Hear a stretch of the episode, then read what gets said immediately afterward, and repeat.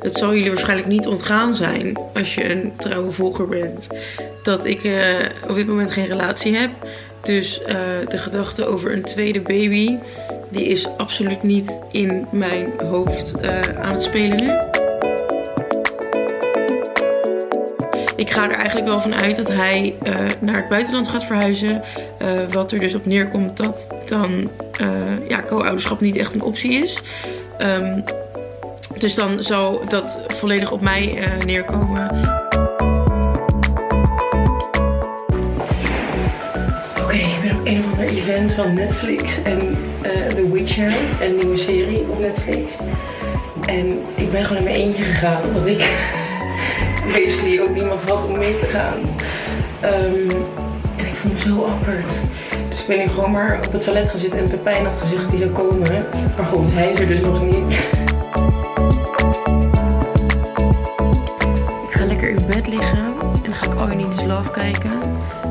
Waarschijnlijk mezelf in slaap janken. Toen Monica de afgelopen vlog een Q&A opnam, bood ze vooral een kijkje in de impertinente geest van haar volgers. Hoe regel je het co-ouderschap met Lars nu, vroegen ze. Wil je een tweede kind? En op wiens naam staat jullie huis eigenlijk? Blijkbaar hadden ze het gevoel Monica werkelijk alles te mogen vragen. En Monica gaf braaf antwoord. Lars ging misschien naar het buitenland verhuizen, een tweede kind hoefde ze nu nog niet en het huis staat op haar naam. Bestaat voyeurisme eigenlijk nog in tijden van sociale media? Of is intimiteit in dit tijdperk van influencers veranderd in een ruilmiddel voor views en likes? Je luistert naar de Monica Geuze fan podcast en welkom in alweer het derde seizoen. Naast mij zit Doortje. We zitten weer ouderwets eh, op mijn zolderkamer. En aan de andere kant van mij zit een hele leuke gast, maar daar komen we zo bij. Ehm, Hoi, leuke gast. Hoi, leuke gast. We houden het nog heel even spannend. Want Doortje en ik hadden het al voorafgaand aan deze eh, aflevering... hadden we het al over jou. En toen zeiden we al tegen elkaar... Jij bent zo onbrand. We willen jou zo graag in de podcast. Ja, de- dit is spanning opbouwen. hè? Ehm, Nog lo- los van het feit dat er gewoon waarschijnlijk in de aankondiging van de aflevering staat wie het is. Maar Oh, misschien ja. als je hem nu doorpakt, dat je dan niet... Niet doen. Ja, dan moet ik het niet in de lijn zetten. Oh my god. Nou goed, oké, dit wordt te meta, jongens. Ja. Sorry. We gaan natuurlijk even terug naar de afgelopen drie vlogs van Monica. Want eh, het was kerst. Monica is nog steeds vrijgezel. Ik heb er heel erg van genoten. Voornamelijk het hoogtepunt. Ze ging naar een pers-event van Netflix. Maar ze ging er eentje. En toen ging ze op de wc zitten in de pauze. Omdat ze het gênant vond. En dat ging ze filmen. Nou, dat vond ik gewoon echt Omdat ze niemand, super kwetsbaar. omdat ze niemand kende. Ja, het was een beetje een Mean Girls moment. Ja, ik vond dat het- ze met haar lunch in de wc zit. Ja, en ik vond het zo schattig dat ze dan dus niemand kent... en dan gaat ze maar tegen haar volgers praten of zo. ja. Dat dat dan dus intiemer voelt dan, dan misschien op iemands afstappen bij een buffet of zo... en zeggen Ja. van hoi, ik ken hier niemand, wil je alsjeblieft met mij praten? Ja. ja, ik vond het heel ontwapenend. En ik vond het ook wel echt vet dat ze dat durfde te filmen. Ik zou dat toch wel voor mezelf houden, omdat ik daar dan te trots voor ben. Ja, ik vond Dat het heeft echt gewoon cool. scheid. Ja, Net als dat ze ook filmde dat ze op kerstavond Oh You Need Is Love ging kijken. En ging, en ging huilen. haar bed. Ja, ah, zo lief. Ja, ik was, ik was wel echt onder de indruk van de Q&A, de laatste vlog. Dat mensen haar vragen konden stellen. En, en ik was echt het niveau van die vragen... dat ik echt dacht dat je hier eigenlijk antwoord op geeft. Ja. Van wil, hoe, hoe regel je het nu met Lars? Eh, wat, eh, weet je wel, op wiens naam staat het huis? Ehm, ook zulke wil je nog een kind? Dat ik denk, nou, je relatie is net op de klippen gelopen en je hebt al een baby. Waarschijnlijk heb je wel iets anders aan je hoofd dan je tweede kind. Ja, Het, en, maar dat ze daar dan wel allemaal heel serieus op inging. Dat ik echt dacht, jeetje, blijkbaar, blijkbaar heb je het gevoel dat dit hoort bij jouw ta- takenpakket. ja, zo. ja, dit is Ja. gewoon jouw werk en, en ik moet dit delen. Ja, Ja. interessant. Gaan we het zo ook hebben Ja. met Zullen we onze de gast- zullen we de we introduceren? gast introduceren. Introduceer jezelf. Wie ben je? Eh, Hallo. Nou, ik eh, ben eh Lise Korpshoek en eh, ik eh, heb twee hele leuke katten. Dankjewel. en dat was een het. epische Instagram-serie gemaakt over de samensmelting. Heb ik enorm van genoten. Ja, eh, lang verhaal kort. Ik eh, kreeg een nieuwe kat en eh, die moest ik samensmelten met de nieuwe kat. En ze hadden allebei een trauma, dus dat was nogal gedoe. Op papier klinkt het erg saai, maar in de uitwerking was het zelfs een beetje spannend volgens mij. Ja, Ik volgens vind, mij ik vind het op vloog- papier ook niet saai. ik ben eigenlijk helemaal Ik heb je al. Ja, en echt heel veel mensen hadden het erover. Groeide je kanaal toen heel erg? Nou, weet je wat ik het allerleukste vond? Ik weet nog dat ik toen bij de VPRO kwam om eh, een voorstel te doen voor een documentaire die ik uiteindelijk ook gemaakt heb. Dat was, dat was, dat was die dag. En toen kwam er een stagiaire me ophalen en die zei... Hoe gaat het nu met Dirk en Danny? En toen eh, zat ik te wachten en toen kwam er een vrouw van... Nou, ik denk dat die stagiaire een jaar of twintig was. En toen kwam er een vrouw van boven de 50 binnen en die zei... Oh, ik vind Danny zo'n leuke nieuwe kat. Toen dacht ik, wow, dit ding bereikt dus zo'n breed, Ja, breed publiek ineens. de boomer en de millennial zien Die- hetzelfde. Die zien Ja. hetzelfde, ja. Ja. En de boomer die nog nooit een vlog heeft gekeken en dat belachelijk maakt, die zit nu in één keer het stiekem toch een vlog te kijken. Ja. De, Oh, de conclusie heerlijk. is niemand is immuun voor katten. Niemand is immuun voor katten, ja, dat is het. Lise, we beginnen altijd met de vraag... wie ben je en wie ben je op Instagram? Dus ik pak even jouw Instagram erbij. Oké. Oh, ik zie dat je ook een apart dingetje hebt met OK Boomer. Komen later ook nog Ja. terug. Zie ik nu. Maar je hebt eh, best wel veel volgers, bijna 70.000. Ja, veel hè. En je hebt in je profiel dat je videomaker bent, officially. En dan, ik maak films, ik teken. Ik heb de strijd met het kattenhaar van Dirkie Danny opgegeven. En dan Ja. een, een link naar je docu. Ja, ik kan nu van op dit moment een pluk van mijn broek Oh ja, bewijs, bewijsmateriaal. ergens. En verder heb je ja, echt best wel, best wel divers soort van foto's, zou ik willen zeggen. Foto's die er best wel professioneel uitzien. Maar ook foto's die er wat minder professioneel uitzien. Ja, En wat de- voor foto's zijn dat dan? De nou, eh, bijvoorbeeld een foto van eh, je kat... Of, of dat een aantal mannen in oranje hesjes jou omhoog houden. Omdat je denk ik een boom hebt. een Omdat je- perenboom een pe- had ik eh, ja. gekregen. Ja hoor, een nieuwe Eh, perenboom. of een selfie in een ehm, Instagram experience.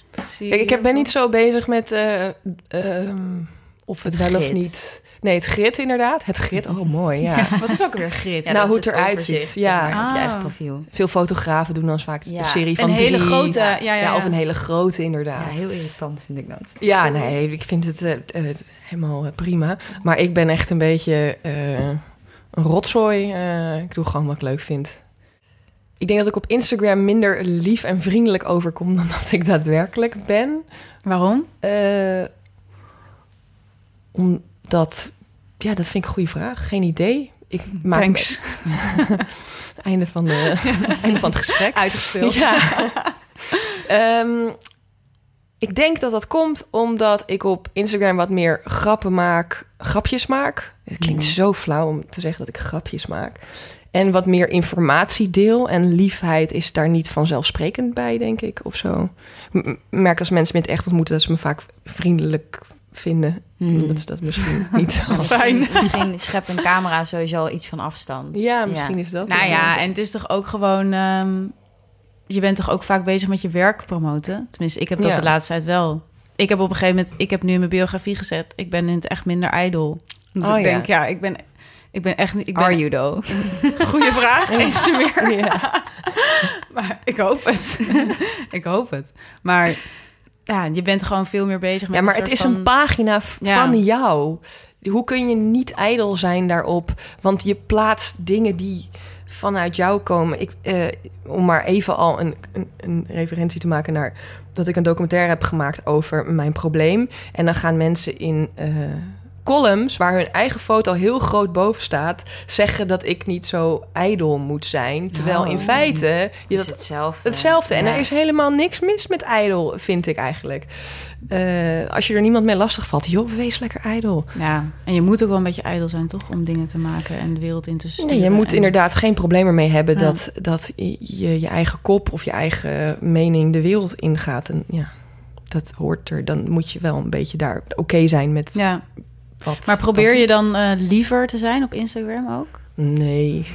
Het hoeft nee. niet overeen te komen met wie jij in het echte leven bent. Het hoeft niet een één op één kopie te zijn. Nee, waarom zou dat moeten? Het enige wat ik me wel kan, wat ik wel kan begrijpen is dat, ehm, kijk, als er een bepaalde toegankelijkheid in jou zit, zoals bijvoorbeeld Monica Geuze heeft, dan gebeurt het natuurlijk dat mensen heel toegankelijk met jou omgaan. Ja. Dus dan gaan inderdaad mensen in een Q&A vragen stellen die heel direct zijn, omdat jij met de manier waarop je contact maakt met de volger of met de kijker.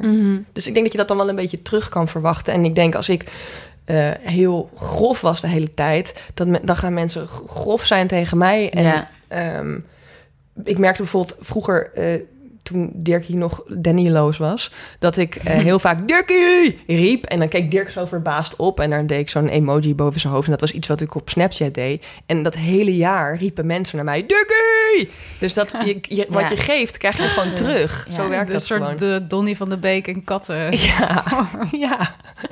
Leuk.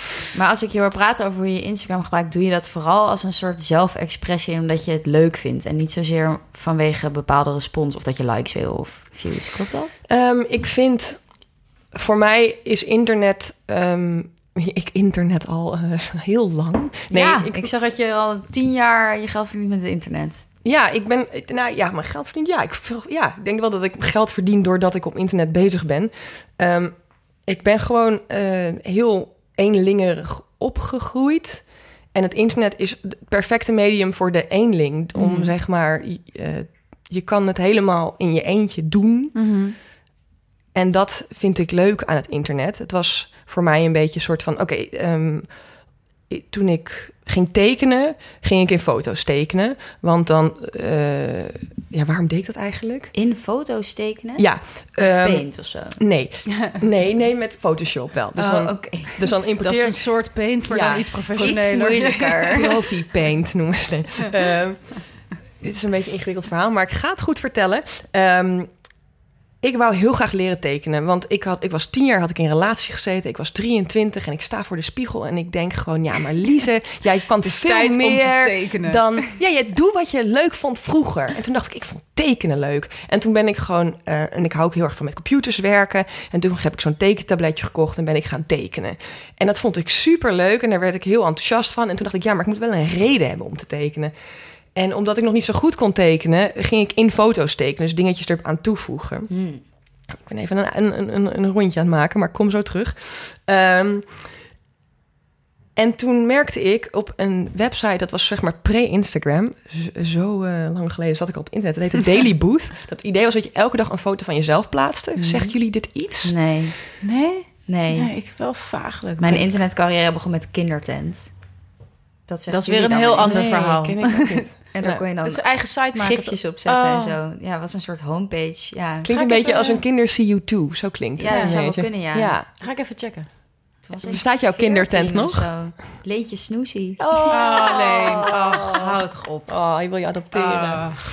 Maar ik haal je uit je rondje. Je was Ja. ook in je rondje aan het Ja, ik ga echt, ik ga zo snel door het rondje gaan. Maar de, eh, dus ik ging, eh, ik zat op Daily Booth en ehm, daar kon je ook met een foto reageren op een foto, een klein fotootje. Dus zeg maar die bij Instagram dat je dan met een reactie Mhm. een klein fotootje doet. En dit was op de computer, op de desktop, niet op, ehm, op je telefoon. En toen had, dan had iemand gezegd van... oh, ik, ben, eh, ik heb net een milkshake op, was super lekker. En dan reageerde ik met een tekeningetje... waarin een banaantje bij een graf van een ander banaantje aan het huilen was. En dan zei ik, nou, ik hoop dat hij lekker gesmaakt heeft... maar dan in het Engels. Maar doordat ik steeds met tekeningetjes reageerde op mensen... en in foto's tekeningetjes ging maken... werd ik daar een ding. Mhm. En op een gegeven moment, toen ik 24 werd... toen werd ik gefeliciteerd door niemand minder dan Demi Moore. Oh, dus toen wow. dacht ik, oh mijn god, het internet. Ik kan gewoon iemand in Amerika bereiken met, met mijn gekke tekeningetjes. En dat, toen, dat gaf me zoveel energie. En dat ik dacht, nou wat vet. Maar, want Demi Moore zat ook altijd bananen te tekenen. Nee, die had gewoon foto's van zichzelf. Oh. Zoals nog, had toen nog met Ashton Kutcher. Dus dan Oh ja, foto's. ja. Soort, maar het was echt vanuit... Het was echt in hun huis. Je zag dat het echt, echt was, zeg maar. En eh, eh, nou, dat, dat was dat ik dacht, wow, ik kan gewoon een ster bereiken met Mhm. het internet en met tekeningen. En daar is het internet voor mij eigenlijk begonnen. En probeer ik het nu nog steeds, ehm, ja, eigenlijk zo min mogelijk te gebruiken om producten te verkopen, maar meer gewoon om eh, iets te ge- geven en, Mm, en ja. te, Nee, want ik weet nog dat wij elkaar een tijdje geleden spraken op een verjaardag. En toen vroeg ik, ik weet niet meer hoe we erop kwamen, maar toen vroeg ik ook van, vind jij jezelf een influencer? En toen zei je, nee, nee, nee, nee. Ja, maar dat, eigenlijk dat komt omdat er iets vies hangt aan het woord influencer. Mhm. Maar tegelijkertijd ben ik het natuurlijk, eh, als je het zou opschrijven, in feite wel. Want ik heb eh, Invloed. die, die Ja. perenboom waar we het net over hadden, die heb ik gehad van een eh, instantie Daar heb die. je eh, 20.000 euro voor gekregen voor die foto. daar heb ik 20.000 euro voor gegeven, min 20.000 euro plus een perenboom.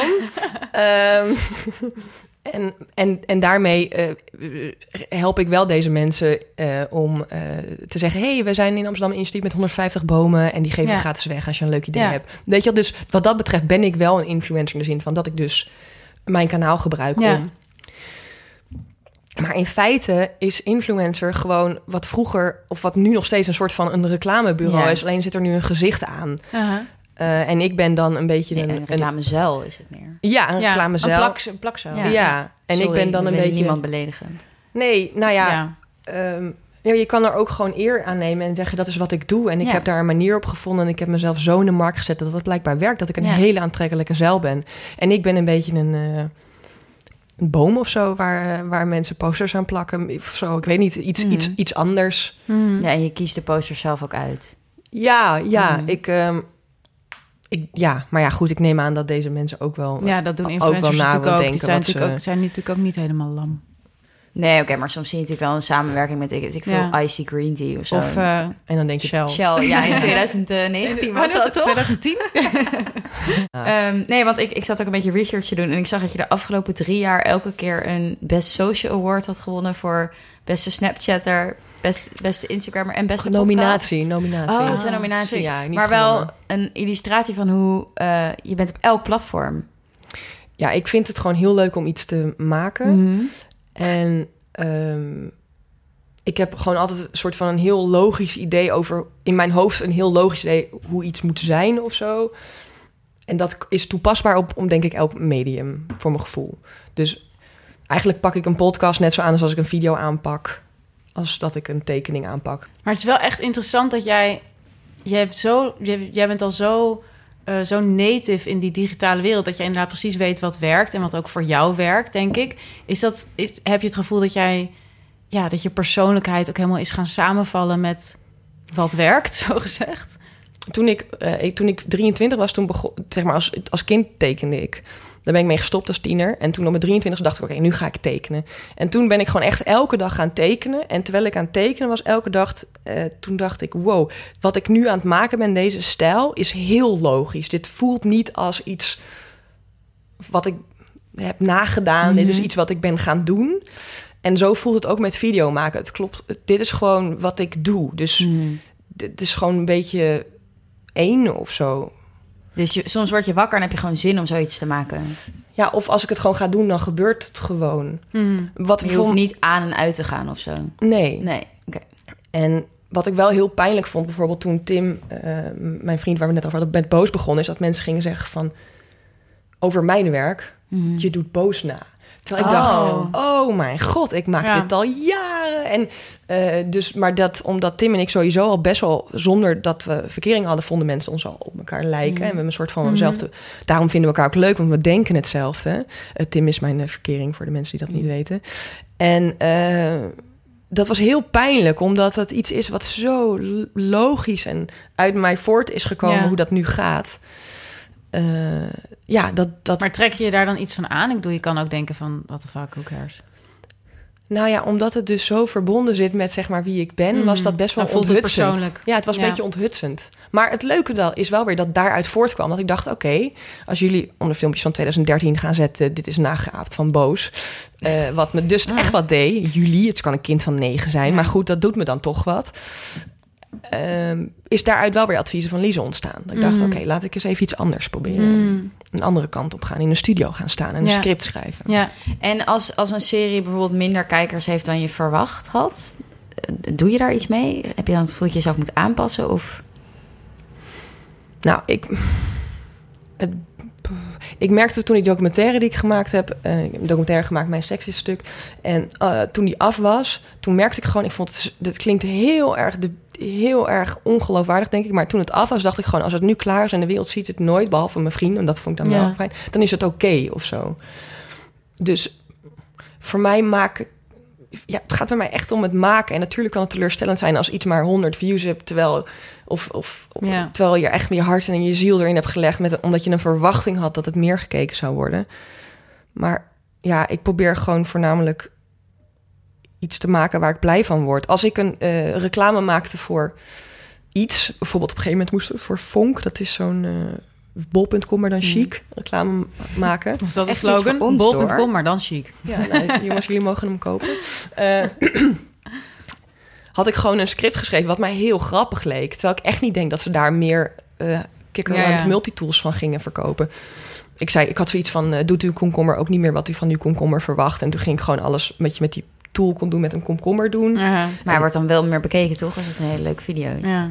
Ja, maar gaat- wordt die, dat ding meer verkocht? Ik denk het niet. Ik denk het echt niet. Ja, het ligt er ook een beetje aan wat je ervan wil, toch? Ik bedoel, ik vind het wel heel mooi wat je zegt over je docu. Eh, en ik herken dat ook wel. Van als je echt, als je iets maakt wat je, waar je echt achter staat en wat je echt zelf, waarvan je, waarin je jezelf verbaast, zo gezegd, maakt het ineens helemaal niet meer uit hoeveel mensen naar nee. kijken. Da- Even los daarvan is je docu wel. Ik bedoel, ik kijk er namelijk wel naar. Ik kijk ook hoe vaak mijn eigen docu Ja. een maand voor die van jou uitkomt. Ja. Dus volgens mij, volgens mij is jouwe nu. Wat was die? 350.000 keer of zo? Nou, echt ja, heel veel. ja, het is echt... En ook op ehm, NOS Start ook Volgens mij, is- volgens mij ben, je mij, ben je mij voorbij. Ja, ik had het er met Ruby gisteren een beetje over. competitief Ja. ingesteld. Hey, af en toe. Nee, dan ga ik niet met cijfers gooien. Maar het is goed bekeken, ja. Ja. Ja, en nee. kijk je veel naar je YouTube en je Instagram statistieken? Nou, YouTube doe ik echt eigenlijk niks mee Mhm. momenteel. Al twee jaar niet. Ehm, Instagram statistieken, wat betekent dat je dan kijkt naar... En zo te horen niet is. Ja. Ja, je kan gewoon kijken hoeveel page views je per week hebt, hoeveel groei. Oh, nee, en- nee, nee. Ik kijk wel eens naar... eh, soms dan vind ik het wel leuk om daar in te graven. En dan zie ik, hè, waarom is woensdag nou altijd zo druk? En dan, Ah, ja. nee, dan denk ik, oh, ik weet niet waarom. En ik vind het heel leuk dat ik echt iets van 80% vrouwelijke volgers heb. En Ja. 20% mannelijk. Dat vind ik echt heel leuk. Ehm, Waarom vind je dat leuk?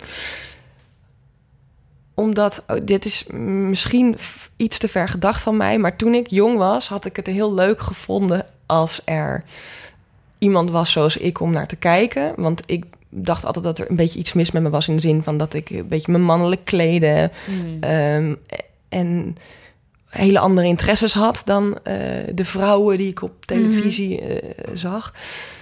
En toen ik een keertje op Gay Pride op een boot stond eh, van BNN, toen waren er allemaal vrouwen die echt een stuk ouder waren. Ik, dat waren de vrouwen die naar mij zwaaiden. En nou, en dat, toen, dat was zo hard verwarmen dat er dus vrouwen van, van, van ouder dan ik tot, tot hem aan 60 aan het zwaaien. Mij, mij kenden en mij dus een leuk mens. Ik weet niet, ik vind het gewoon heel vet dat ik zo'n brede groep aan vrouwen blijkbaar Ja. bereik. Weet je nog het moment dat je jezelf voor de eerste keer ging filmen? Want eerst maakte je dus tekeningen. Op een gegeven moment ben je toen gaan filmen jezelf. Ja. Ehm, nou, zeg maar, als ik echt terugga naar vroeger, dan is het met CKV. Maar toen was het Oh, ja. echt met een high-8 camera. En voelde dat meteen natuurlijk? Ik denk dat ik het gewoon maar deed of zo. Hmm. Misschien vond ik het wel een beetje eng. Ik eh, moest voor CKV een, een werkstuk maken over mezelf, over mijn culturele ervaring. Moest je dan in een werkstuk onderwerp. Ja, moest je gewoon vertellen van wat was jouw achtergrond. En toen had ik eh, een pruik opgezet. en dan deed ik mijn moeder die pruik op. En dan liet ik mijn vriendje, geloof ik, me- haar over de shoulder filmen... terwijl de interviewer dan mij interviewde. Mhm. Maar dan draaide ik het weer om en dan was ik ook de interviewer. Ja, ja, ja. Dus ik had het was, maar het was echt met. Ik heb in, in een videorecorder zitten monteren met wow. eh, zo, ja, met, met Ja. zo. Dat was echt heel veel Maar ik vind het eigenlijk wel grappig wat je zegt van dat het natuurlijk voelde. Want ik denk ook dat het voor onze generatie heel natuurlijk is om jezelf te filmen. Omdat we gewoon niet beter weten dan dat er camera's op ons gericht Ja, zijn. Vanaf maar- dat je nul bent, word je gefotografeerd, hangen er foto's van jezelf aan de Ja. muur. En wat, van wat is dan de grote stap naar... Nou, ik weet wel dat toen dat ging heel natuurlijk. Toen ik in 2003, dus dat is wel echt al heel lang geleden, was ik aan het studeren. En toen eh, deed ik een eh, project waarin we. Het was gebaseerd op Sixpack, want dat was. Kennen jullie dat Sixpack? Ja, ja, ja. dat was toen heel groot en. eh, en het idee was dat wij objecten van bekende mensen gingen verzamelen. En dan met een handtekening erop gingen veilen voor het goede doel. Dat, dat programmaatje waren we aan het Mhm. maken als een soort pilot. Dat waren we aan het leren hoe je televisieprogramma's maakte. En toen weet ik nog dat ik, dat ik gefilmd werd en dat ik heel ongemakkelijk er nog wel van Oh, werd. ja? Omdat ik zo ook niet wist wat ik met mijn handen moest doen en heel overdreven ging doen.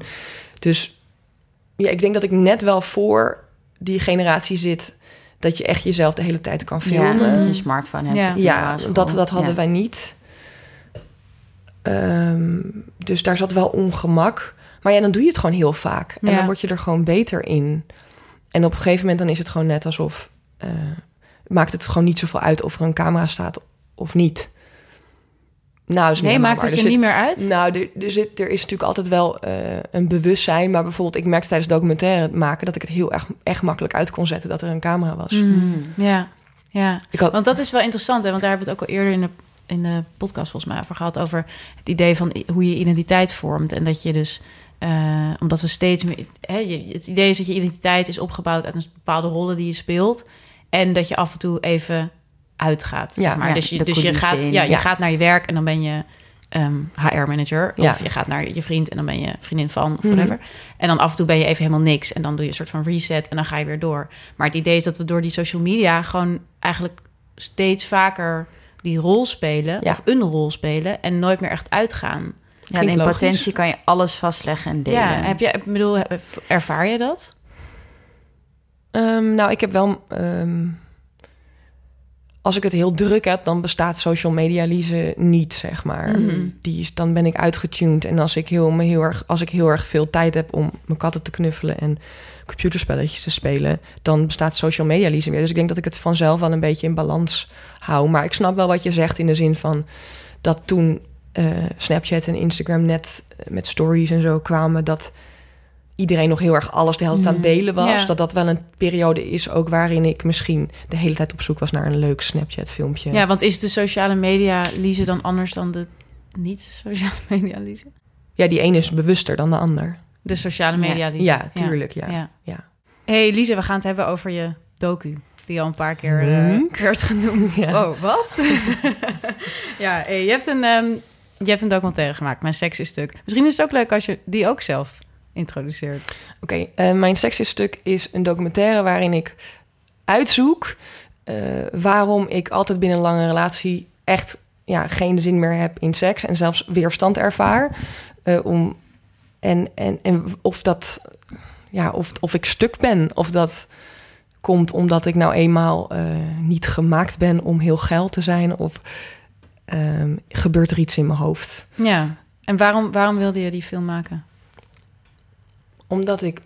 Nou, in eerste instantie was het gewoon een soort van... Ik, dit is iets wat ik voel en wat ik uit wil vinden.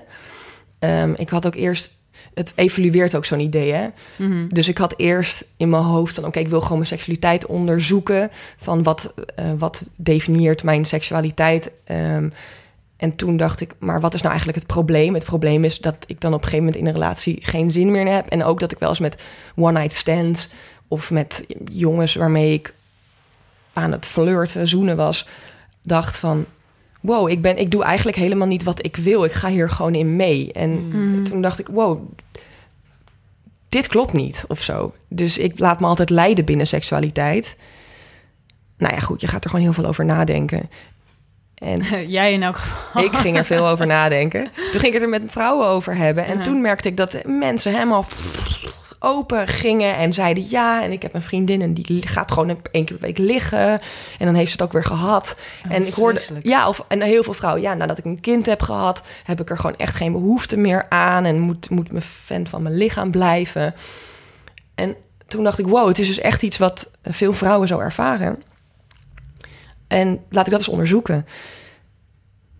Het was het idee om een documentaire te maken waarin ik heel veel vrouwen zou ondervragen. Maar Mm. eh, eigenlijk kwamen we toen heel snel uit bij, ja, waar stopt het dan? Ga je Ja. ook vrouwen interviewen die eh, lesbisch zijn? Ga je ook vrouwen interviewen die, waarbij je seks heel goed is? Ga je het inderdaad ook Ja. vrouwen die een kind hebben gehad? En, en dat was zoveel. En zoveel tijd had ik niet om een documentaire te maken. Dus toen heb ik samen eh, met Willem Timmers, waarmee ik documentaire gemaakt heb... en Sophie Dros was mijn coach. En zij zei, doe het gewoon lekker over jezelf alleen. Ja. En hoe vond je dat toen dat voor het eerst het idee was? Nou, een opluchting, omdat ik dacht... over mezelf dingen maken, daar heb ik ervaring ja. Dat, gaat me, dat kan ik. En dat durf je dus ook. En ja, en ik vind het enger om mensen te vragen om kwetsbaar te zijn... dan om zelf mijn kwetsbaarheid te delen. Oh, wat interessant. Ja. Ik heb het juist andersom. Ja, grappig. Ja. Ja, wat ik dus heel cool vond aan je documentaire was dat ehm, toen ik hem begon met kijken, toen ook de algemene vraag die heel veel vrouwen, of ik denk ook mannen, zullen herkennen, dat na, nou laten we zeggen, negen maanden, anderhalf jaar, soort van de betovering uit je seksleven in een relatie verdwijnt. Dat ik echt dacht, oh wat heerlijk dat jij dit gaat onderzoeken. Misschien heb je een oplossing, een inzicht waar ik iets mee kan. En dat ik aan het eind dacht van, maar dat was er helemaal niet. En dat ik ook een beetje teleurgesteld was. En toen dacht ik er langer over na. En dat vind ik het allermooiste aan de documentaire, dat het geen oplossing is. Het is alleen maar individueel. Ja. Dus volgens mij is het heel sterk dat je weg bent geleefd van dat maatschappelijke. Dat het is, ja, dat is je eigen zoektocht. Ja, dat en is dus. is niet een antwoord. Nee, het enige wat voor mij wel echt een oplossing is, waar ik nog steeds mee bezig ben, is dat seks is nooit stuk. Hmm. Is nooit stuk. Het is gewoon de manier waarop jij seks eh, ervaart, is jouw manier. En als je die accepteert, dan, dan, dan ben je er eigenlijk gewoon. Hmm. En ik merk dat ik sinds de documentaire gewoon echt heb geaccepteerd dat ik gewoon heel erg hou van eh, iemand dichtbij hebben en, en, als ik, en, en gewoon voelen, huid, de, de geur van een, van een, van een t-shirt. Hmm. En als ik daar nu in opga en dat prettig vind, dan kan seks komen. Hmm. Ja, ja. En eh, ik ging gewoon altijd in een ritme mee wat niet mijn ritme was. Ja. Ik heb me altijd al laten zoenen door een jongen voordat ik überhaupt die jongen wou zoenen. Omdat ik dacht, oh, dit moet nu. Ja. In plaats Vind van... je dat moeilijk om dat over jezelf te leren? Want je bent natuurlijk wel iemand die eigenlijk wel in zekere zin de controle vaak bij zichzelf heeft. Ik bedoel, je maakt dingen over jezelf, je maakt het zelf, je, je edit het zelf, je Mhm. zet het zelf online. En als je dan zo leert over jezelf, dat je eigenlijk in je seksualiteit dus best wel ehm, de controle juist bij de ander legt. Ja, ik denk dat het niet zo, zeg maar, dat dat niet per se dezelfde dingen zijn of zo. Mm. Nee, natuurlijk niet. Maar het is Maar- wel. Het, het- ja, nee, ik snap wat je zegt. Ehm, ehm, ik dingen maken en wat je laat zien is natuurlijk een bepaalde controle uitoefenen, maar wat er gebeurt is weer iets anders of zo. Hmm. Vind je jezelf iemand die heel graag controle heeft? Of niet per se? Ja, ik denk absoluut wel. Mhm. maar ik kan me dus ook best wel makkelijk weer overgeven. Mhm. Hmm. Maar ik denk dat dingen maken ook een, een zekere vorm van overgave behelst. Dat je niet echt iets kan maken als je het helemaal wil controleren. Ja. Nee, want dan wordt Knijp het... je te hard. Ja. Ja, dan knijp je het te hard inderdaad. Ja, dat is een goeie. Ehm, ja, ik kom er niet, even niet helemaal uit. Maar Ja, we zetten je ook wel echt... Je dat leg is- je op dat de is, sofa. eh, dat is helemaal oké. Dat, bedoel, dat, vond ik, dat heb ik je al gezegd, maar dat vond ik het mooiste moment aan je docu. Dat je op de Duikplank. hoge duikplank en dat, en dat inderdaad in iedereen's, in de, bij elke kijker zal, zal denken, ja, aan het einde gaat springen. Ja. En dat, dat je het gewoon niet doet. Nee. En dat denk ik dat, dat dat ook is wat je uiteindelijk... Nou ja, voor mij in elk geval was dat denk ik wel de, de les eruit. Ik dacht van ja, je hoeft gewoon nooit te springen. nee, niet omdat Als de je niet verwachting wil er springen. is. Er is Nee. gewoon, jij hebt niks te maken met verwachtingen van anderen of verwachtingen van jezelf. Ik was echt teleurgesteld toen ja, ik dat, gesprongen dat- ja, was. dat zei je. Ja, maar terwijl het juist zo Ja, goed is. Maar dat, dat besef kwam dus Want later stel je was wel gesprongen, dan, Was het een heel saaie dan had je metafoor weer geweest. eigenlijk iets gedaan wat je dus niet wilde. Ja. En misschien was daar ook een fantastisch mooie les uitgekomen. Maar dit is hoe het ging. Dit was, Ja. dat was, dit was wat het echt was. En dat... eh, En waarom wilde je dit proces doormaken tijdens het maken van een documentaire... en niet gewoon zelf? Zonder, camera? documentaire. documentaire is sowieso gewoon... Iets, iets ervan maken is voor mij een hele grote stok achter de deur. Dan ga ik er Mm. echt mee aan de slag. Ik bedoel, mijn vriend en ik waren al eh, een tijd bezig met... oké, moeten we dan naar een seksuoloog? En we waren allemaal dingen aan het bedenken wat we konden doen. Ja. En eh, daar zat ook gewoon niet heel veel schot in de zaak eigenlijk. ja, maar natuurlijk ook super eng is. En zo'n documentaire Ja. dan ga je gewoon lekker aan Dan de moet bak. je wel. Ja, moet je wel. En ik heb eh, dus, ik vind het... Ik heb heel veel in eh, interviews gezegd van... ik heb niet zoveel moeite met kwetsbaar zijn. Maar ik denk dat ik bedoel... ik heb niet zoveel moeite met kwetsbaarheid laten zien. Mm. Eh, want eh, seksualiteit is natuurlijk ook kwetsbaar zijn. En blijkbaar durfde ik daar ook nog niet alles mijn wenser te laten zijn. Maar ik heb gewoon geen moeite om te laten zien dat ik een kwetsbaar men- mens ben die soms een trut is. Ik bedoel, tegen mijn moeder was ik best wel fel en rot. En, en dat, dat soort dingen, ja, dat is gewoon ook, dat maakt, maakt je ook of zo. ja. Ben je dat altijd al geweest? Dat je makkelijk laat zien dat je ook... dat je imperfect bent of kwetsbaar of... Mm, weet ik niet zo goed. Maar ik weet wel dat ik. mm, ehm, dat het me niet zoveel. Dat als iemand anders om jou gaat zitten lachen. dat dat niet om mij gaat. Mm. Je neemt het niet persoonlijk. Nee, het gaat nooit. eh, ja, als mensen je stom vinden of zo. dat kan. Want dan wordt er iets in hun geraakt wat, Mm. wat niet lekker zit. Eh, en eh, ja. Kijk, als ik mensen lastig zou vallen, echt zeg maar pijn zou doen of iets zou zeggen in die documentaire, als je een kant van me ziet waarin ik mensen belachelijk aan het maken ben, Ja. dat vind ik, ja, nee, Ja. dat zou ik nooit, dit zou ik niet kunnen. Nou, ik vind het wel interessant, hè? want als je het hebt over die kwetsbaarheid. Ik vond dan, ik las bijvoorbeeld het interview met je in eh, de Volkskrant van Gidi.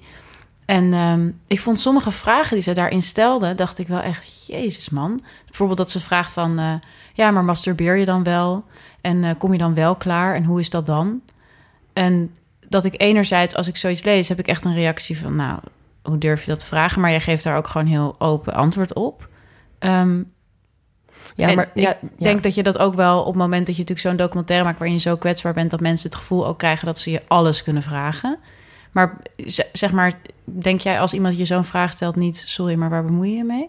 Nou, als op het moment dat ik zo'n documentaire maak, is eigenlijk een beetje hetzelfde als bij Monica. Op het moment dat zij Mhm. haar leven laat zien, dan kun je dit soort vragen verwachten. Ja, En voor mij, eh, het antwoorden van die vragen staat ook voor dat er, wat mij betreft, best een, over dit soort dingen gesproken zou moeten worden. Want ik denk dat het iets kan, de mensheid iets kan brengen als je.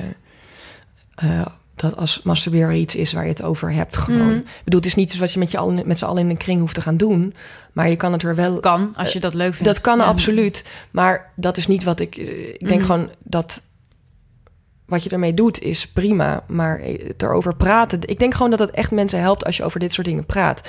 Ehm, ik merk het ook in de reacties die ik krijg. Ze zijn allemaal heel Mhm. persoonlijk. Mensen vertellen hun hele levensverhaal. En, en mensen. Dus DM'en ze je dan daarmee? ja, Ja, ik heb echt eh, e-mails, DM's, brieven. United Wardrobe zelfs berichten. ja, maar echt gewoon Alle echt heel ja, ik kan ook gewoon niet meer, kon niet meer reageren, was gewoon te veel. Maar Ja. ik dacht van ja, dit is gewoon wat je terugkrijgt als Ja, je iets geeft. En Dus zie je dat dan ook als een soort van missie bijna voor jezelf om daar dan heel open over te zijn? zonder dat ik per se denk, dit is mijn missie, denk ik wel dat dat automatisch is wat er Ja. gebeurt. Dat ik gewoon denk, oké, ik heb gewoon, ik kan hier zo open over praten en misschien help ik er iemand mee eh, door Ja. dat te doen. En dat zou echt geweldig Ja, zijn. nee, want ik, ik bedoel, ik ben het echt helemaal met je eens dat het heel, mega goed is dat dat gesprek op gang komt. En ik denk ook dat dat heel waardevol is. Maar ik zou wel, ik denk ook wel, goh, ben blij dat ik niet dat gesprek op gang hoef te brengen. Snap je? Als Ja? iemand mij zegt, ik vind het heel prima om met mijn vriendinnen over seks eh, te praten. eh, Heel leuk zelfs. Maar als iemand mij in een krant zou vragen, Ja. masturbeer je en kom je dan klaar? Dan zou ik toch wel denken, mm, dat hoeft voor mij niet per se in de Ik krant. denk dat het hele logische vragen zijn naar aanleiding van mijn documentaire. En Ja. jij hebt geen documentaire gemaakt over, Nee. daarover. Dus eh, het zou ook vreemder zijn als jij die Ja. vraag zou krijgen. Ja, het zou me wel Dus eigenlijk overvallen. zie je het als Ja. een relatie. Je hebt gewoon meteen een relatie met je kijker en daarin Ja, ja, ja. handel je. Ja. Ja, of ik heb in ieder geval, ik heb iets, ja, ik heb iets gegeven en eh, dan snap ik dat dat vragen oproept. En Ja. blijkbaar denk ik, nou, weet je wat, ik, eh, ik ga daar ook antwoord op geven. Ik had ook Mhm. kunnen zeggen, nee, dit is het, dit is het enige wat ik geef. Ja. Maar dat is blijkbaar niet wat ik doe. ja. Ja, nou, dat vind ik wel heel fair naar je kijker. Ook. Je ziet het echt als een wisselwerking. Niet als iets wat jij gewoon over de bühne wil gooien en daarna je terugtrekt. Maar als een gesprek met kijkers. Ja, nee, Het is ook, dat, is, dat vind ik het allervetste. Dat de documentaire eigenlijk al had gedaan wat ik wou dat het deed voordat hij uitkwam. Er was al Mhm. een gesprek. Ja. Ja, super Cool. tof. Ja, en, dan, en eh, hoe vond je je optreden in de Wereldrijd Door en de reactie van Adriaan van Nis? Misschien kan je dat ook zelf vertellen. Zo chill. Ja, nou, ik vond het eh, eigenlijk wel leuk. Het klinkt misschien gek, maar ik vond het heel leuk. Ik dacht, nou, ik ga daar lekker heen. En mijn agentschap zei van, nou, eh Alina Rijn kan niet. Dus Ariane van Dis zit tegenover je. Want ik, nou, ik zou misschien op woensdag gaan, maar het werd uiteindelijk dinsdag. Nou ja, kijk, wat ik kwalijk vond... en dat heb ik ook al een paar keer gezegd, maar I'll say it again...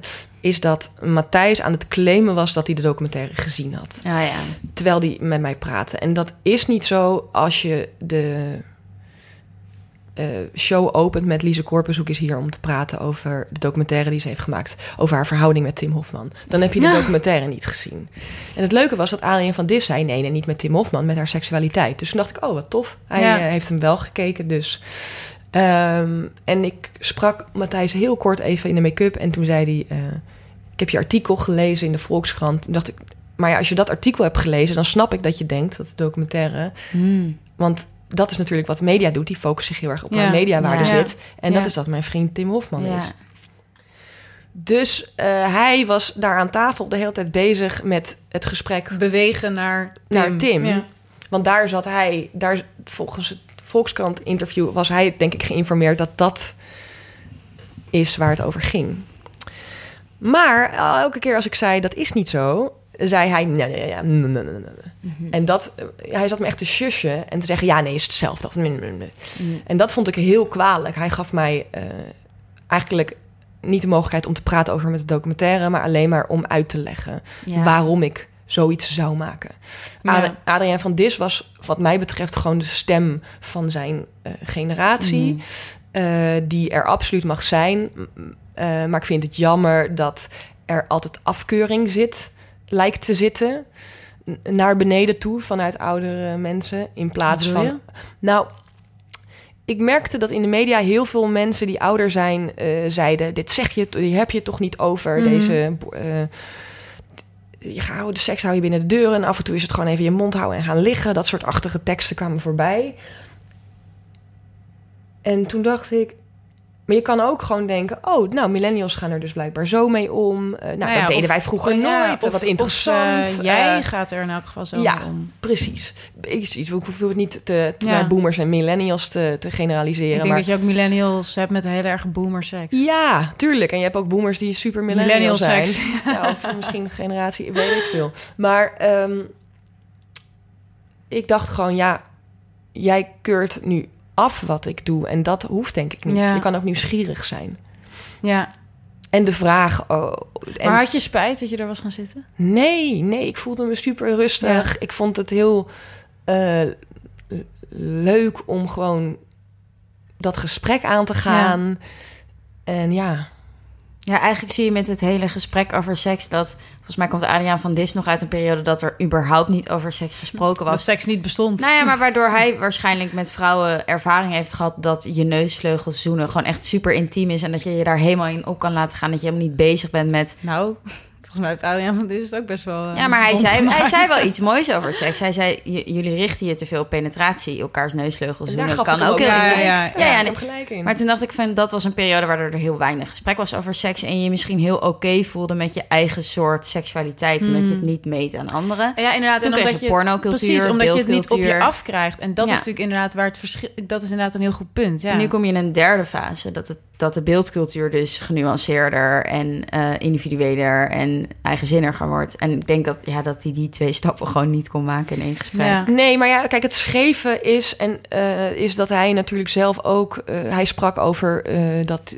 hè, seksualiteit beschrijven in een boek. En dan kun je Ja. het oppakken en weer Ja. wegzetten. En op YouTube blijft het altijd maar staan. En toen dacht ik, ja, maar jouw eh, ouders hadden waarschijnlijk ook heel weinig begrip over dat je boeken schreef eh, waarin seksualiteit naar voren kwam, want dat Ja. deed je niet. Nou, die hadden alleen de Bijbel. ja, weet ik veel. Precies. Dus dat, en, en nu doet een nieuwe generatie het weer zo. En ik denk, ik dacht heel erg van ja, je moet echt. Want hij speelde ook heel erg in van ja, zometeen worden je kinderen gepest op het schoolplein omdat Ja, het te zien is. Dat op vond ik wel heftig, hoor. Ja, en toen dacht ik, ja, dan heb je echt weinig vertrouwen in, eh, in de wereld. Ik denk echt dat, dat, dat, dat, de wereld echt vriendelijker is dan dat. Ja. Dat is wat ik. Dat, En we raakten er al even aan. Ja. Heb je het idee dat, dat beeldcultuur jou beïnvloed heeft met je idee over seks? Totaal, Ja, Ja. want dat las ik ook wel een beetje terug. Ook wat je zei in je interviews en het zit ook wel in je docu. Dat het gewoon, dat je een soort beeld hebt van hoe seks moet zijn. Ja, en ik denk dat dat weer terug te herleiden valt nadat ik een beetje een jeugd heb gehad waarin ik best wel losgelaten ben en alles zelf. Ik bedoel, dit is niet zo dat mijn ver- verhaal, het verhaal, ik, iedereen heeft zijn eigen verhaal, maar ik ben best wel losgelaten en ik heb. Ik, ik ben alleen opgevoed door een moeder en die was ook ziek. Dus ik heb gewoon heel veel dingen soort van zelf bedacht. Dus ik merk dat ik heel erg eh, heb gekeken naar... Weet je wel, ik kan Ariel Kleine Zeemermin meepraten. Nou, als je dat beeld mee hebt van eh, dat je een man tegenkomt... en dat je dan gelijk soort van je hele familie verraadt... omdat je bij hem wil zijn. Dat is best wel een raar iets om te leren. Ja. Maar eh, ik, heb, ja, ik heb gewoon iets meegekregen over... Ik ben gewoon best wel opgevoed door media. En in de media en in films... De films die ik het allermooist vond...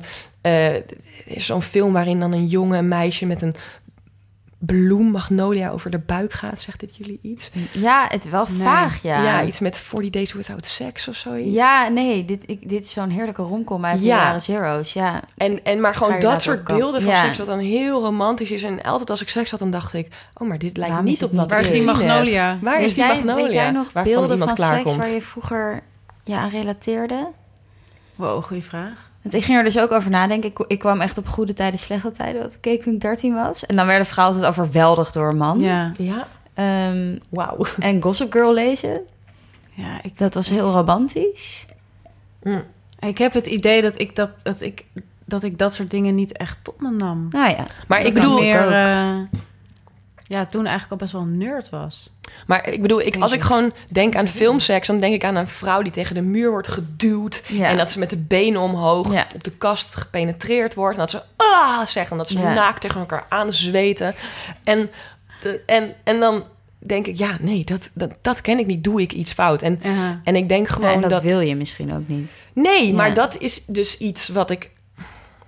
Het stomme is dat ik natuurlijk met mijn hersenen heus wel kan bedenken dat dit niet is hoe het hoort te zijn. Maar blijkbaar zat er iets zo Hmm. diep ges- geprogrammeerd in dat ik gewoon de hele tijd het idee had dat ik iets niet goed deed. Terwijl het antwoord heel simpel is. Ik weet al lang wat ik fijn vind. ja. Alleen dat accepteren is blijkbaar heel inge- is, heeft even 34 jaar geduurd. Hmm. Ja. omdat je denkt dat de normaal is wat je ziet in beeldcultuur. Wat Ja. niet per se de normaal is. Nee. Daarin is porno ook best wel interessant. Want porno heeft natuurlijk aan de ene kant een heel eh, dwingende beeldcultuur. Dat alles heel strak moet, eh, moet zijn en zo. Maar aan de andere kant kan het ook super bevrijdend zijn. Omdat er voor elke porno wel een niche is. En je, je kan ja, ik heb echt bij, bij, bij, bij porno meer dan bij al het andere idee dat echt alles bestaat. Ja, alles bestaat, ja. Ook heel Alles vet kan. gewoon om te, Ja. om te ontdekken wat een menselijke natuur allemaal in zich heeft. Van knaagdieren kapot Ja, trappen. ik weet niet of ik het allemaal wil weten, maar het is wel fijn dat die ruimte er is. Nou ja, en hoe meer eh, de seksualiteit en de cultuur onderdrukt is, hoe debieler de porno wordt. ja, echt absoluut. super interessant. Ja, ja, zeker, ja, ja. Eh, Maar keek je ook porno vroeger? Nee, eigenlijk niet. Het enige wat ik vroeger wel keek was Sex Cetra. Dat keek, kwam dan altijd op RTL 5 heel laat. En dat keek Ah. ik dan stiekem in de zijkamer. En, eh, en da- dat beeld wat ik daarmee kreeg... was inderdaad blonde, wulpse meisjes met grote borsten... die aan het rondrennen ja, een beetje. Girls Gone Wild of zo. Ja, Zo, dat is een beetje mijn idee Ja. van ook dat. En dat, als dat ook een beetje is wat je meekrijgt van seks. En daardoor voelde ik me ook nooit eh, heel, een heel seksueel wezen. Hmm. Omdat ik daar helemaal niet op leek. precies. Ik denk dat dat eigenlijk wel, dat ik wel MTV en zo, dat soort, dat soort seksbeelden wel. En wat voor beelden? nou, een beetje dat? Girls Gone Wild-achtig idee van eh, een beetje de Playboy, de Playboy-meid. Playboy-meisje. Oh, En dat is ook wel, dat vond ik interessant, want dat, door, doordat we dit gingen voorbereiden en zo, ging ik weer even eh, een beetje in dat idee van eh, Ariel Lev- Levy. Ariel Levy, ik weet niet, nooit wie haar naam uitspreekt, maar ik vind haar heel vet. Ze is journalist voor de New Yorker onder andere. En zij heeft een boek geschreven, best een tijd geleden al, ik geloof in 2005 of zo, over de eh, female chauvinist pig. Dus de male chauvinist pig, maar dan female. En dat gaat heel erg over vrouwen die een heel mannelijk, seksistisch beeld van zichzelf eigenlijk hebben geïnternaliseerd. En dat zag zij heel erg in die jaren nul, weet je wel. Dus met- lipstick-feminisme? ja, het lipstick feminisme wordt het ook wel genoemd. Dus dat vrouwen zichzelf heel erg empowered voelen als ze gaan paaldansen. Of als ze inderdaad een Playboy bunny ehm, ding... Leen zoekt het nu even op. Ja, even door onze Ja, ehm, stapels Dus research. dat, en dat vond ik wel interessant. En ik denk dat ik dat ook wel ervaren heb. Want ik weet ook echt nog dat meisjes bij ons op school, zeg maar de coole meisjes, hadden dan Playboy eh, bunny petten op en zo. En dat ik, dat ik wel een soort van Victoria's Secret idee Ja. had van wat een sexy meid was. Ja. En dat ik nu wel denk, wow, zo van Playboy is nog los van zeg maar de hele eh, totaal ethische verwerkelijkheid van dat systeem ook echt zo economisch ingezet en zo alleen maar op het gewin halen uit inzetten van seksualiteit. Is zeg maar en ja, het is gewoon een soort neoliberale seksistische vorm eigenlijk van de vrouw. maar Ja. dat, als een vrouw dat heerlijk vindt om te doen. Nou ja, dat is dus wat Ariel Le- Levy zegt. Van, dat is het idee van als je dat heerlijk vindt om te doen, moet je dat gewoon lekker zijn. En dan zegt zij van, nou, nee, dat is dus niet zo. Want dan ben je dus alsnog, heb je gewoon de male gaze Ja. geïnternaliseerd. En ben je ja, bezig met ja. pleasen. Ja, ik weet niet of ik daarmee eens ben. En volgens mij, seks is macht. En volgens mij, als je als vrouw het bevrijdend of machtig vindt om je op die manier te gedragen, dan staat dat wat mij betreft los van de male gaze. Maar misschien... Ja, maar, Nee, ik, maar ik weet dus niet of ik het eens ben met die- seks is macht eigenlijk. Nee, ik denk seksualiteit is misschien een je bepaalde gevoel macht. van macht geven. En het betekent niet dat je iemand onderdanig hoeft te maken... of dat je controle hebt over een ander. Maar het gaat me puur om hoe je je voelt als je Nou ja, je je seksueel voelt. Ja, maar als je je seksueel voelt, dan is dat altijd in... in Op die manier. Nee, maar dan is het altijd dus gekoppeld aan hoe je bekeken wordt. En Mhm. niet, denk ik dan. Of Ja, dat denk je ik dat ook. niet? Ik denk dat je dan dus toch ve- verder weg raakt van je echt puur seksuele gevoel. Macht bestaat alleen maar tot, in relatie tot de ander. Ja. En hoe die naar je kijkt. Dus dan heb je eigenlijk allebei toch- evenveel macht. Ja, maar er is toch niks mis mee met dat je heel erg kan genieten van het gevoel. Totaal dat. Er is sowieso kijkt. niks mis mee, maar het is wel iets om over na te denken. Ik denk, dat dat ook heel erg raakt aan wat eh, Paul Verhagen zegt in identite- eh, Intimiteit, de opvolger van Identiteit. Ehm, dat onze, onze verhouding tot onze seksualiteit en ons lichaam ook heel erg is verstoord door dat we steeds meer bezig zijn, ook via social media en alle kanalen die we nu hebben, met een andere blik naar onszelf kijken. Dus als we in de spiegel kijken, dan zien we niet meer alleen een lichaam, maar zien we iets wat strakker moet en beter moet en meer moet lijken op wat we op Instagram zien. En Ja, als we kijken naar onze dus seks, niet over al die vrouwen kan zeggen dat die alleen maar op die manier naar hun lichaam nee, kijken. je kan sowieso niet iets zeggen Nee, nee, maar over alle vind- vrouwen of al die vrouwen, maar ik vind wel een Ja, maar het is zo'n zuiver rationele manier om te kijken naar hoe die vrouwen hun seksualiteit gebruiken. En ik Mm. denk dat het niet zo zwart-wit is. Nee. Dat, het, dat het dus bepaald wordt door een neoliberaal, nee, natuurlijk is het niet patriarchaal systeem. Nee, nee, dat denk ik ook niet. maar het, is- Ehm, het is wel interessant. ja, het is heel... Want het nee, een ja. bestaat niet zonder het ander. En ik bedoel, net zo, ik bedoel, hè, net zo goed als dat je op je werk bent, dan krijg je ook een spiegel voor. En dan ga je jezelf ook aanpassen. Dat is ook een soort van Ja. Instagram. Je gaat ook Ja. daar op een andere manier naar je kijken, omdat je omgaat met collega's. Dus dat is denk ik ook gewoon iets in de mens, dat je gewoon je iets toe-eigent, aanpast. Ehm, alleen met, welke, met welk doel inderdaad doe je dat? Mhm. Ja. ja, en kan je je ooit jezelf loswrikken van een systeem Nou wat ja, zo en dat, is? en dat is natuurlijk de vraag. Van, Ja. Is zo'n playboy-meid... j- Jij zegt van het is, het is macht of zo. Maar ik vraag me dus af van... Is ze echt bezig met wat zij wil? Of is ze uiteindelijk toch nog bezig met wat de man wil? Ja, ik denk dat dat, ja, dat zal verschillen per persoon. Ja, dat denk ik Ja. dus ook. Maar ik denk wel dat we dat, dat, punt dat wat je, Levi vrouwen maakt... moeten in bescherming genomen worden ja, dat, die het, dat niet dat het heel Ja. interessant is. En welke boodschap Ja. geef, eh, eh, en dat is natuurlijk wel de verantwoordelijkheid van de kijker, maar welke boodschap geef je weer mee? Want ik bedoel, het kan zijn dat ik bij seks zet waar allemaal hele vrijgevochten vrouwen zag. Eh, maar ik, wat ik meekreeg is dat ik dacht, oké, dit is, Dit is de die- seks. Ja. dit is wat ik moet zijn om... eh, Ja, dat hangt af van de veelheid. Als er heel veel verschillende verhalen Ja. over seksualiteit verteld worden, dan kan dat. Ja, maar en dat, het is enige natuurlijk, verhaal ja, en dat is, natuurlijk nu wel meer Ja, dan, eh, dan eerder. En sowieso heb ik wel het idee, en dat, en dat eh, vind ik ook wel interessant, dat er gewoon de laatste tijd zoveel meer wordt, wel wordt gepraat over seksualiteit en seks. En ik las een tijdje geleden een boek van, eh, in een boek van David Brooks ook over eh, een bepaalde SM-vereniging in Amerika. En dat die dan zo van een ALV hebben en zo van een ledenpagina waarop je dan per onderwerpje van de SM-club kan je dan kijken wat, eh, weet je wel, frequently asked, internet ja, frequently Ja. asked questions en zo. Het is een soort rationalisering ook van seks. En bij, bij waarom is het een rationalisering van seks? nou, omdat dit is dan even een voorbeeld, maar gewoon ik heb wel het idee dat we er veel rationeler mee bezig zijn door er gewoon meer over te praten allemaal- en ja, be- willen begrijpen waarom dingen Ja. soms niet werken of dat we inderdaad, ehm, nou ja, ook als jij dan merkt van, nou, goh, ik heb na anderhalf jaar of zoiets eh, minder zin, dat je dat dan wel, wel ook echt gaat onderzoeken met een seksuoloog en zo. Dus Ja, we maar- gaan ons gevoel steeds meer rationeel onderzoeken ook, denk ik. Ja, en omdat we blijkbaar daarin denken dat er vooruitgang zit als je niet je neerlegt bij bepaalde gegevens. Ja. Wat ik eigenlijk het allerinteressantst vond van de documentaire eh, is dat de seksuoloog op een gegeven moment zegt: eh, seksualiteit is eigenlijk een verrader van mentale onrust. Ja, vond Ja. ik ook heel interessant. En, eh, en dat merk ik eh, nu totaal. Ehm, een therapeut waarbij ik ooit was, die zei eh, bijvoorbeeld dat je partner en eh, de relatie met je partner en de relatie met je ouders zitten toch in je hoofd een beetje in hetzelfde Mhm. hokje. En ik merkte dat ook een van mijn problemen is, is dat ik ja, de beetje verstoorde band die ik met mijn moeder heb, toch op mijn vriend ging projecteren. Mm. En ehm, Hoe dan? Wat dan? Nou, dat ik dingen die hij zei vaak als kritiek ervoor, terwijl die gewoon iets zei. Omdat mijn moeder mij heel vaak aansprak Mm. op dingen die ik niet goed deed volgens haar, of niet op haar manier. Dus ik was altijd op mijn hoede van, oh, doe weer iets verkeerd. En dat ging ik dus ook bij Tim doen. En dan ontstaat er een soort frictie die Ja. alles behalve seksueel is. Want, eh, en dus, dus En ik merk dat uh, nu ik dat steeds meer loslaat, ik weer heel anders naar mijn relatie aan het Mm. kijken ben. Omdat dat zijn twee aparte dingen, maar in mijn hoofd ben ik dat toch Ja. Ja, ja. gaan een beetje gaan samen. Maar is dat dan zo dat je, dat je dan oefent met je relatie met Tim loszien van de relatie met je...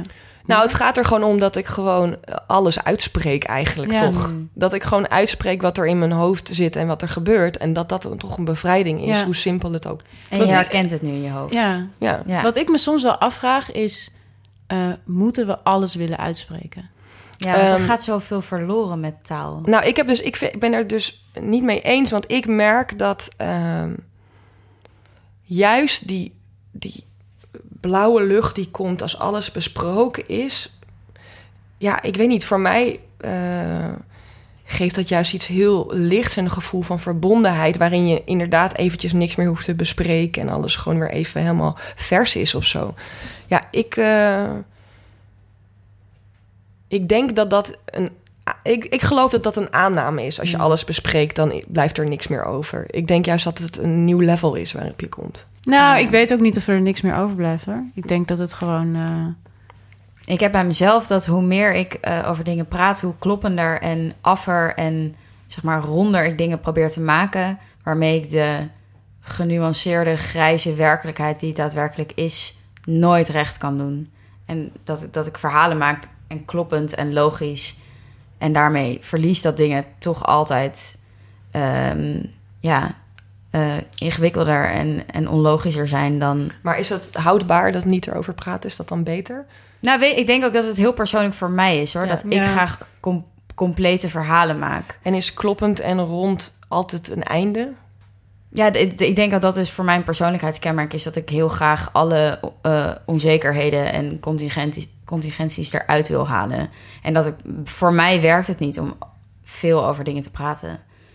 Nee, Ehm, nee, nee. Want dan ga ik er ook meer over nadenken. Ja, daarom heb ik een podcast. Door een podcast, kan nog meer nou ja, praten. nee, ik Ja, vind maar- het wel interessant hoor. Want ik denk wel... eh, dit- dat is volgens mij ook zo'n quote van Gwyneth Paltrow, toch? Daar hadden we Ja. het over van, van... Dat zij zegt van over seks wordt nu veel te veel gepraat en daarmee... Nee, over überhaupt. Ze zegt, jullie kunnen zo goed over je gevoelens praten. Dat Oh, elke in The Politician van- is Ja. dat dat ze inderdaad zeggen van millennials hebben het in hun hoofd gehaald dat ze elke, elke gevoel dat Zij ze hebben over- elkaar moeten heen uitkotsen. En dat leidt tot. Ja, ze kunnen zo goed over hun Ja. gevoel praten dat ze geen intimiteit Geen meer kunnen ervaren. En ik heb wel soms het idee met. met eh, maar ja, dat is natuurlijk hè, een soort disclaimer die we de hele tijd niet bij alles zeggen. Maar dat is natuurlijk heel persoonlijk. Maar dat, dat ik mij. dat ik als het, te, als het inderdaad te lang over. eh, ja, zo, zoiets intiems als seks wordt gepraat. of, of, of eh, met artikelen of podcasts of zo. dat ik dan het gevoel krijg van. "Blah, zo verliest het voor mij helemaal wat het is. Want voor mij is het denk ik ook voor een heel groot deel juist het niet begrijpen. Ja, En het gewoon maar laten gebeuren. voelen. Ja. Ja. Ja, dat, dat herken ik dus heel Ja. erg. Ik ga dan heel erg... ehm, daarom was ik zo blij dat je documentaire zo persoonlijk en individueel bleef. Omdat er niks was wat ik eruit kon halen om op mezelf toe te passen... en tot een soort van waarheid te verheffen. Dat, dat ja... de- Ja, ja, want jij Dat- wilt dus dan wel juist ik ga begrijpen. en zo- zoeken. ja, ja, en, ja. en dat, dat helpt me helemaal niet. Nee. Ehm, nee. nee, om dingen kloppend en, en ja. antwoorden te vinden, die zijn er niet. Toch? Sluitend niet. nou, ik kijk even naar Lise. Nou ja, ik merk dat na, nadat de documentaire klaar was... en eh, eigenlijk toen hij uit was gezonden op televisie... ehm, toen was ik eigenlijk... Ja, kijk, ik was er wel weer klaar mee. Ja, ja. met, eh, Ja, ik. erover te hebben. Ja, en, Fuck eh, seks. Ja, ja. Ja, en ik merkte ook wel dat ik ook even zei van... ja, ik moet echt even ontladen... voordat we überhaupt weer iets met eh, seks kunnen gaan doen. Want het is nu zoveel inderdaad. Mm. Je bedoelt za- zakelijk? Of... Ja, nee, gewoon, eh nee, gewoon vrije weer. Ik Oh, heeft even ruimte ja. nodig. Eh, maar dat had ook te maken met gewoon drukte en heel veel werken. En, ja. Maar het fijne was wel dat ik dacht, Nou, nou, ik, dat kan is me heel ook, logisch. ik kan me ook Ja, wel voorstellen dat het wel... misschien de druk nog wel wat extra opvoert... op het moment dat je er Nou, het gek- dagelijks over gaat praten. Ja, dat is... mm, nou ja, maar goed, dus dit was gewoon aan mij... wat ik geleerd van die documentaire... is dat ik gewoon kan zeggen... nou ja, en daarom dus even rustig. Ja, En daar heel oké mee zijn. Ehm, maar ja, voor mij hebben al die gesprekken en het ruimte geven... juist weer een soort van iets nieuws schopend in mijn Ja. hoofd. Ja, Eh, dus voor mij heeft al dat praten juist wel iets gebracht... Eh, maar ja, het is niet zo dat je na een heel heftig gesprek erover daarna gelijk seks gaat hebben. Dat, Ja. Dat, ja, dat moet gewoon even landen, allemaal een Ja. plekje vinden. En, dus ja, Ja. Ja, het is voor iedereen anders. Sorry, makkelijker kunnen we het niet maken. nee, maar ja, het is wel hoe het werkt. Ja. Ben je blij dat je de docu gemaakt hebt, Lise? Ja, ik, eh, ik kan niet omschrijven hoe warm ik me voelde de dag nadat die op internet was uitgekomen. Mm. Dat ik die documentaire had gehad. Alle artikelen over de wereld draait door. Echt, de avond dat die uitkwam, de dag, dus dat was 4 december, kwamen er gewoon echt twee à drie berichten per minuut binnen van mensen die een heel verhaal schreven. Het was zoveel.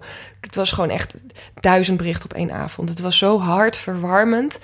En gewoon het feit dat ik iets heb gedaan. Eh, waardoor mensen die in relatie zitten gesprekken hebben gevoerd samen. Eh, mijn neef zei ook van ik heb samen met mijn zusje een heel openhartig mooi gesprek gehad Mhm. over seksualiteit. En dat hebben we nog nooit gehad en het voelde helemaal niet gek. En Ja, eh, dus dat was echt gewoon ik soort van ik vibreerde helemaal en, en al die dingen die negatief waren, dacht ik ja, dat voelde ik. Ik had bedoel ik heb dan kan je wel leuk zeggen van ja, dat is niet dat gaat over die ander en Ja. Maar het is natuurlijk het alsnog raakte me kut. echt Ja. niet. Nee, het raakte Oh, me het gewoon niet. niet? Nee? Nee, ik dacht gewoon ja, dit is niet dit, ik heb het niet voor jullie gemaakt. Ja. Eh, succes met jullie eh, fijn- Leven. Ja, met dat jullie dat ik wat fijn dat jullie een column hebben kunnen, dat ik een onderwerp heb kunnen geven waardoor je je werk hebt kunnen doen. Mm. Eh, Ga je er nog een keer iets over maken, denk je? Ehm, ja, ik weet het gewoon niet. Want dat is Mm. met wel met wat ik doe. Ik, ik ga alleen maar iets maken als iets logisch voelt. En het is Ja. niet nu dat ik denk van... ja, ik ga gelijk weer iets erachteraan maken. Ja, Ik ga nu lekker een boekje maken over mijn katten. Dat zal ik ja een wat kinderboek, toch? Ja, Echt heel een leuk. prentenboek ben ik nu eh, mee bezig. Oh, wat leuk. Da daar heb ik zin in. Ja. Dus we zien wel. Ja, ik weet niet. Ik weet niet. Misschien dat ik nog een keertje iets maak over iets. Zou heel goed kunnen. Maar Iets over iets. Ja, dat lijkt me wel ja, leuk. iets over seks, seks iets. nou, iets over iets met seksualiteit. Ja. Leuk. Hey, Lise, we sluiten altijd af met een eh, selfie. Ja, en dat moet even Doortje doen, want anders zie je allemaal verhuisdozen op de achtergrond. En dat Ja. is lelijk. Lena's huis nog een beetje in, eh Ja, in, in, between, in between moments. Ja. Even kijken. Oh, jij bent echt zo'n selfie-pro. Ben ik een selfie pro? Nee, Liesje. Nee, helemaal niet. Ja, eigenlijk moet jij hem maken, Lise. Ah, Oké. Vanaf, en dan? Eh, vanaf daar of zo? Oh ja. Nou, Ga ik hier? Moet ik denk ik bij door, toch? Ben ik een selfie pro? Ik doe nooit selfies. Moet ik, moet ik mijn been raar zetten? Ja, doe even wat leuks. Oh, dit is meteen wel een hele leuke hoek. Kijk, ik ben wel altijd van het beeld een beetje invullen. En jij hebt nu een groene trui aan en ik een rood. Dus dan is het leuk als we het een beetje kleurig maken. Mooi teken, toch? Volgens mij is het in één keer heel goed. voelde heerlijk. Ja, ik voel het goed. Want Woordje heeft een goede, goede vrolijke blik. Ik doe mijn best. Hey Lise, super bedankt dat je er was. Ja, super heel leuk. leuk. Leuk gesprek, jongens. Nou, ja. dat vind ik ook. Ik kijk uit naar je boek, Ja, Ik ook. je kattenboek. mij. En eh, nou, we zien je in mei. Ja, leuk. Dankjewel. Dag jongens.